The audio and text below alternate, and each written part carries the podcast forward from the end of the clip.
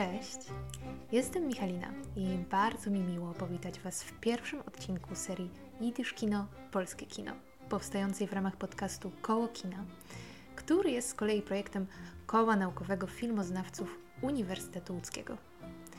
Być może nazwa serii sama w sobie prowokuje Was do pytań, o jakie kino chodzi? Kino polskie, kino jidysz, o oba?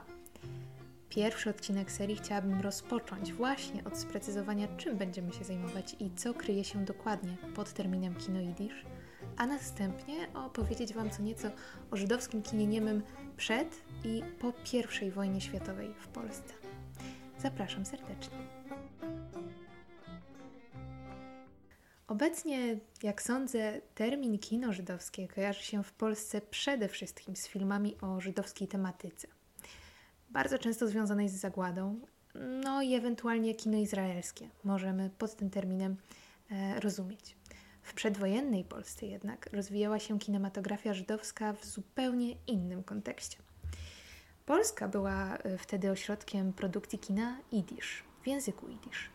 Żeby lepiej zobrazować sobie okoliczności, w jakich te filmy kręcono, trzeba przypomnieć, że II Rzeczpospolita wraz z Związkiem Radzieckim oraz Stanami Zjednoczonymi była jednym z trzech największych ośrodków życia żydowskiego na świecie.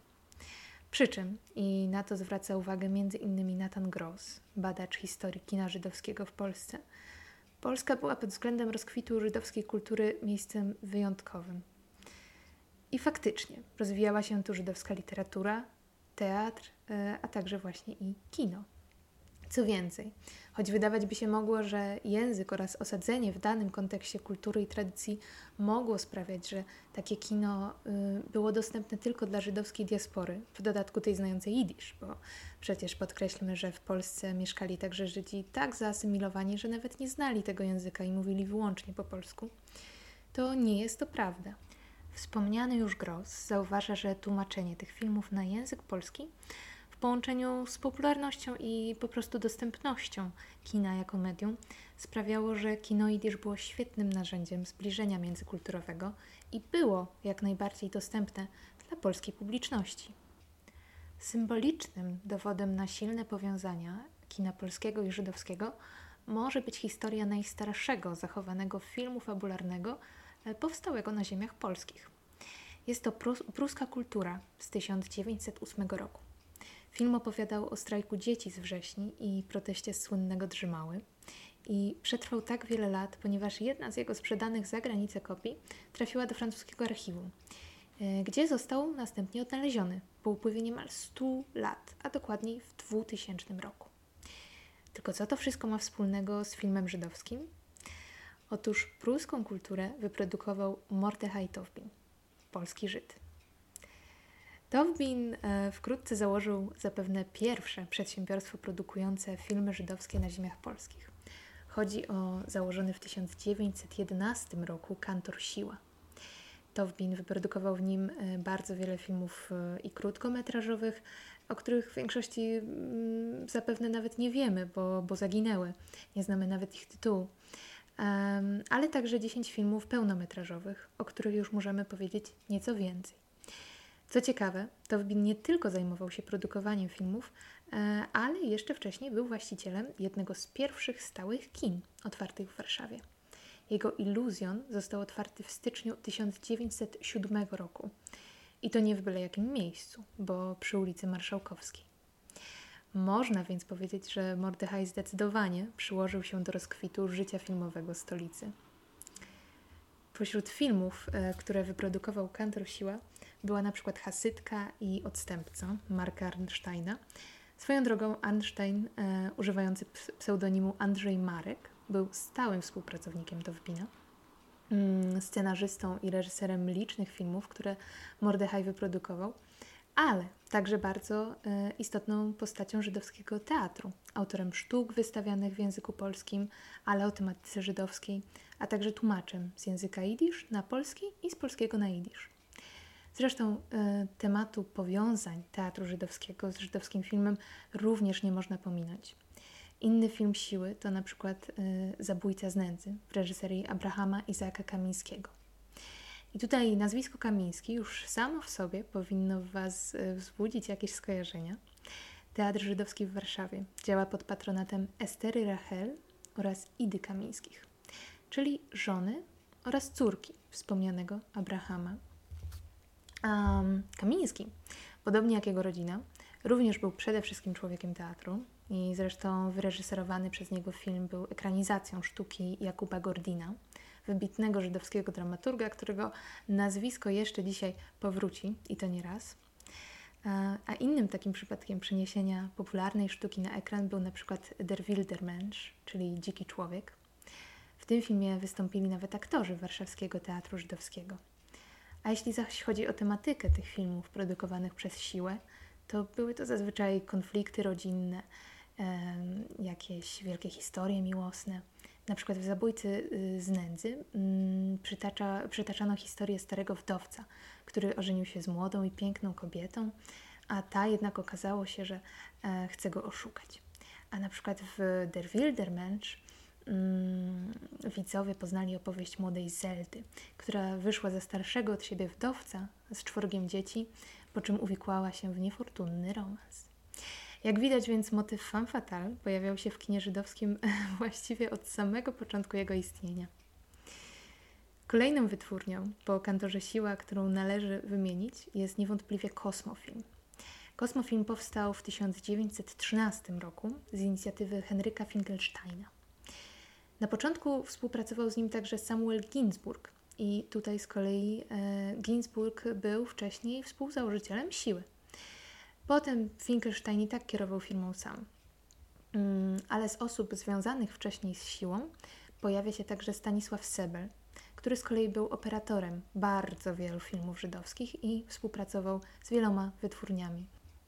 Jeśli zaś chodzi o filmy wyprodukowane e, przez Kosmofilm, to Nathan Gross przytacza za e, Władysławem Jewsiewickim następujące tytuły – Uwaga, postaram się odczytać je poprawnie i w oryginalnym brzmieniu. Herzele Mejuches, Sein Weibsmann, Gotts Stroff, Der Unbekannter, Dem Hasens Tochter, Die, Stie, äh, de, die Stiefmutter, Die Schiete, Die Verstoßene Tochter. Pewnie źle rozłożyłam akcenty, więc jeżeli któryś z słuchaczy lub słuchaczek dobrze posługuje się jidysz, to bardzo, bardzo go lub ją przepraszam. Kontynuując, najważniejsze, co można jeszcze powiedzieć o Kosmofilm, to fakt, że ich produkcje niejako kontynuowały tradycję siły. E, czyli były to najczęściej melodramaty, historie nieszczęśliwej miłości i historie rodzinne. Ale co równie istotne, filmy były tłumaczone na język polski i w kinie przy ulicy Karmelickiej 15 w Warszawie oglądała je publiczność obu narodowości. Były także sprzedawane za granicę, gdzie z kolei mogli oglądać je Żydzi spoza Polski. I tym sposobem nadszedł czas, by wymienić jedną z najważniejszych wytwórni międzywojennej Polski. Chodzi oczywiście o założony przez Aleksandra Herca Sphinx.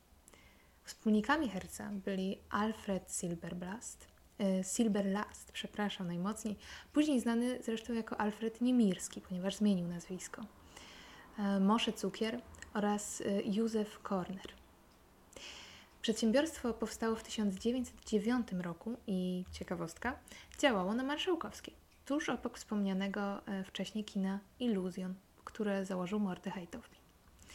Dla Sfinksa również pracował Stanisław Sebel, którego wcześniej już wymieniłam, a wytwórnia, uwaga, przetrwała aż do 1936 roku, co oznacza, że przeżyła nawet swojego głównego założyciela, czyli Herca.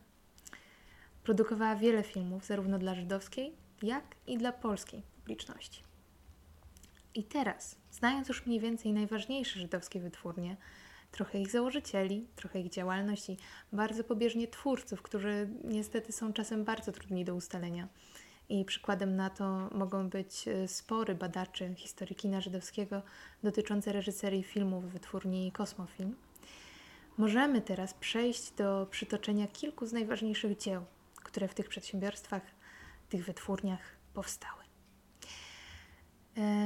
I skoro jako ostatni omawiany był Sphinx, myślę, że wypada skupić się na filmie, którego nawet jeśli nigdy nie widzieliście, możecie sobie skojarzyć po samym tytule.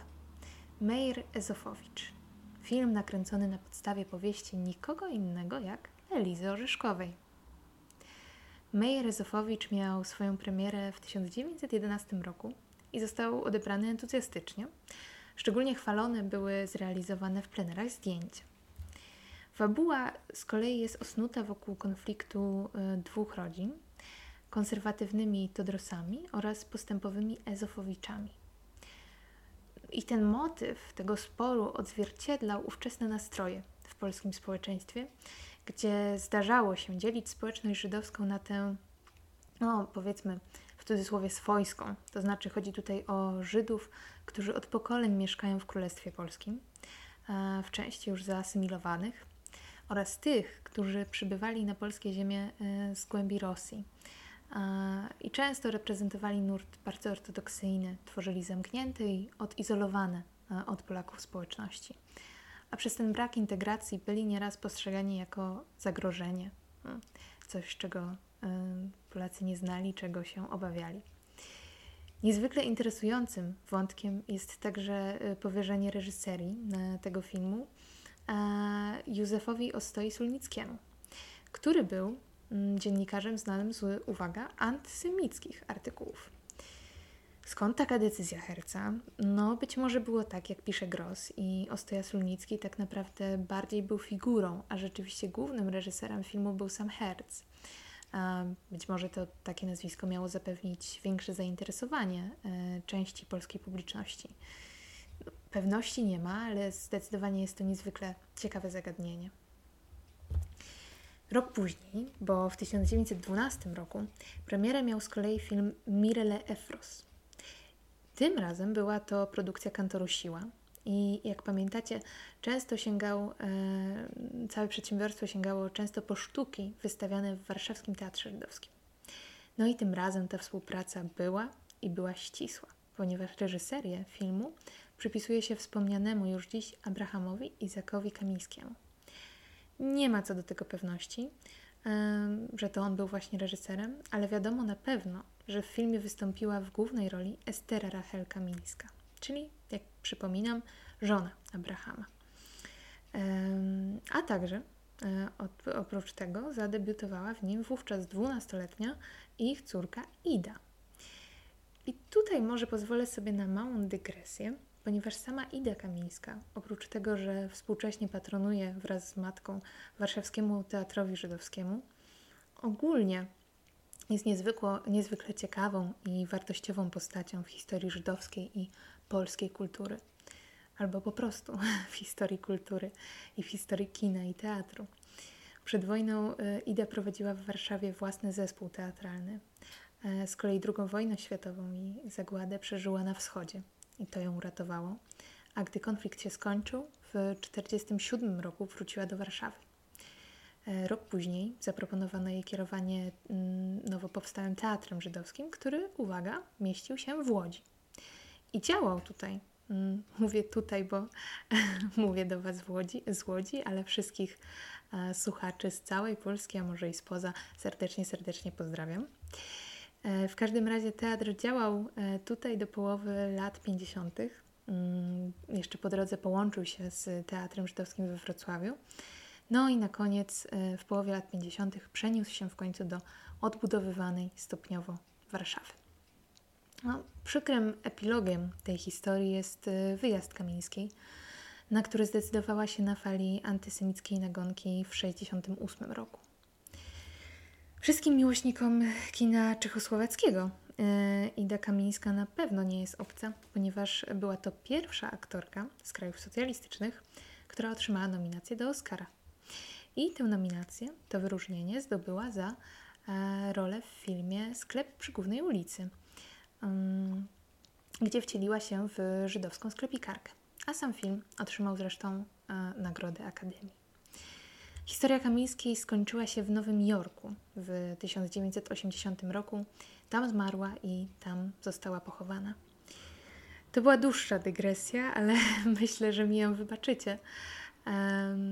bo, bo naprawdę sądzę, że to postać warta zapamiętania albo przypomnienia, bo o, podejrzewam, że dla większości z Was to nie jest obce nazwisko.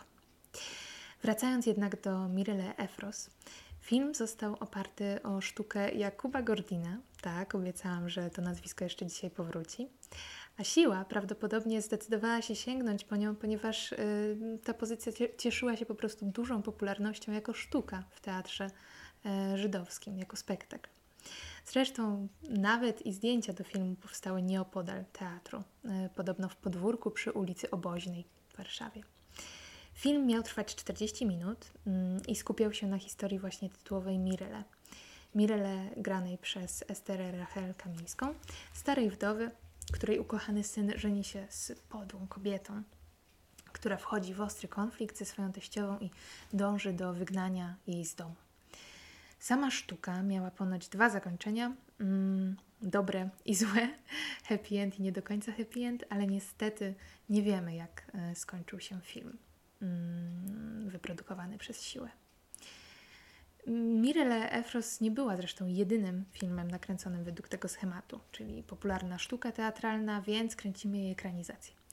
Innym takim przypadkiem e, był na przykład Gott, Mensch und Teufel, czyli Bóg, Człowiek i Szatan oraz Hasie de Jesuime, czyli Sierota Hasia. Oba filmy powstały w 1912 roku i oba ponownie, uwaga, na podstawie sztuk Jakuba Gordina. Warto też zauważyć, że y, przedsiębiorstwa żydowskie produkowały nie tylko żydowskie filmy. Przykładem niech będzie film Wojewoda, odwołujący się do życia polskiej szlachty w XVIII wieku. E, film wyprodukowany właśnie przez Kantor Siła i Mordechaja Towbina. Podobnie było zresztą z Kosmofilm, które na przykład, e, tu ciekawostka, wyprodukowało m.in. ekranizację opery Moniuszki, czyli Halkę. Działało to także w drugą stronę. Polska Kooperatywa Artystyczna Zdjęć Kinematograficznych, e, rozbudowana nazwa, jak przytacza Nathan Gross, e, zapewne zainspirowana popularnością żydowskiej tematyki wśród publiczności, w 1911 roku zrealizowała ekranizację dramatu Stanisława Wyspiańskiego pod tytułem Sędziowie. E, sędziowie opowiadali historię romansu żydowskiego chłopaka z polską służącą jego ojca, którą mm, później w tragicznym akcie zabija. Film był dystrybuowany przez wytwórnię Sphinx pod tytułem Sąd Boży. I tutaj można się trochę spierać co do tego, e, czy do nakręcenia filmu zainspirowała kooperatywę popularność żydowskiej tematyki, tak jak y, twierdził Gross, a czy nie, aby przypadkiem po prostu ten sam schemat co y, wcześniej, czyli popularność samego dramatu w teatrach. Y, I stąd kusząca wizja przeniesienia go na ekrany. No, ale niemniej jednak jest to film wart wymienienia, choćby dlatego, że była to ponoć pierwsza w historii kina polskiego ekranizacja dramatu. Wybuch I wojny światowej spowodował przerwę w produkcji filmów. Na ziemiach polskich żydowskie produkcje wstrzymano na 8 kolejnych lat, czyli naprawdę duży kawałek czasu. Pierwszym filmem zrealizowanym po tym przerwie było Tkije Skaw, czyli Ślubowanie w reżyserii Zygmunta Turkowa. Co ciekawe, jest to jeden z niewielu filmów, który przetrwał do dziś. A w jaki sposób? O tym y, powiem za chwileczkę. Tytułowe ślubowanie dotyczyło ślubowania dwóch przyjaciół, którzy przysięgli, że jeśli urodzą im się dzieci innej płci, gdy dorosną, zostaną sobie poślubione. Tak się faktycznie dzieje, a dzieci zaprzyjaźnionych mężczyzn, choć dorastają daleko od siebie, spotykają się i zakochują, nie wiedząc nic o złożonych przez ojców y, wcześniej ślubach. Więc y, piękna historia miłosna troszkę przypominająca, co istotne, a nawet nie troszkę, ale przypominająca e, początek, początek fabuły Dybuka. Film cieszył się ponoć dużą popularnością i to i wśród polskiej, i wśród żydowskiej publiczności, a w efekcie został też sprzedany za granicę. I w Stanach Zjednoczonych mm, przemontowano go, to, to, przemontowano go trochę e, i dystrybuowano pod tytułem Dem Rebenskoach, czyli Moc Rabina. I właśnie dzięki temu film uchował się aż do dziś. mm, wyjątkowy przypadek. I sądzę, że zmierzając do końca y, filmów żydowskich epoki niemej, należy wymienić także Indie Poilische Wälder, czyli W lasach polskich. Ekranizacja powieści żydowskiego pisarza Józefa Opatoszu, którą y, nazwano nieraz, nazywano nieraz żydowską odpowiedzią na twórczość polskich pozytywistów. Sądzę, że to niezwykle ważny film i książka i jej ekranizacja – ale mówimy tutaj o, o kinie, że to niezwykle ważna pozycja dla studiów nad dziejami kultury żydowskiej w Polsce, a także zbliżeniem międzykulturowym między dwoma narodami. By unaocznić, jak duże było to przedsięwzięcie i wydarzenie, należy tutaj na początku powiedzieć, że specjalnie w celu promocji tego filmu powstał film Welt, czyli pierwsze żydowskie czasopismo filmowe w Polsce. Premiera miała miejsce w 1929 roku mm, i film w reżyserii Jonasza Turkowa opowiadał o młodym Żydzie, Mordechaju, synu żydowskiego zarządcy lasów należących do polskiego księcia. Mordechaj wychowywał się na styku tych dwóch kultur i gdy wyjechał, by studiować e, święte żydowskie teksty, poznał grupkę Żydów, mm, którzy byli zaangażowani w przygotowania do powstania styczniowego wraz ze swoimi polskimi rówieśnikami. Mordechaj zaczynał, zaczął fascynować się m.in. poezją Mickiewicza, patriotycznymi ideami i w końcu e, postanawia wziąć udział w walkach, w których zostaje ranny. Myślę, że nie trzeba wyjaśniać symbolicznej wymowy zarówno opowieści, jak i jej ekranizacji, szczególnie w dopiero co odrodzonej Polsce, którą budować mieli zarówno Polacy, jak i Żydzi, ale także inne oczywiście mniejszości, które w Polsce były bardzo liczne. I choć historia wydaje się przepiękna, przynajmniej mnie w dużym stopniu wzrusza, niestety wiele żydowskich środowisk oburzyło się na promowanie idei odejścia od tradycji żydowskiej. Bo trzeba oczywiście pamiętać, że byli ortodoksyjni i bardzo religijni Żydzi przeciwni integracji, a co dopiero asymilacji. Więc każdy strzegł w pewnym stopniu swych, e, swoich tradycji. Niemniej film wydaje się ważny, szczególnie, że przypominał na przykład o postaci Berka Jozelewicza, o której sami współcześnie zapominamy. Mm, a był to Żyd, ale zarazem pułkownik wojska polskiego, walczący w insurekcji kościuszkowskiej. Myślę, że warto odnotować i warto sobie przypomnieć. Oba wymienione e, filmy, czyli i Ślubowanie i w Indii Poili Szewelder, wyprodukowała założona w 23 roku wytwórnia Meteor, znana potem m.in. jako Leofilm. Prowadził ją Leo Forbert i Henryk Boym. I była to, wraz ze Sfinksem, najdłużej działająca żydowska wytwórnia filmowa, e, bo przetrwała aż do końca lat 30. Ale o tym, jak rozwijało się kino jidysz po przełomie dźwiękowym, opowiem w kolejnym odcinku. Na razie bardzo dziękuję wszystkim, którzy dotrwali do końca za uwagę i wszystkim zainteresowanym polecam lektury.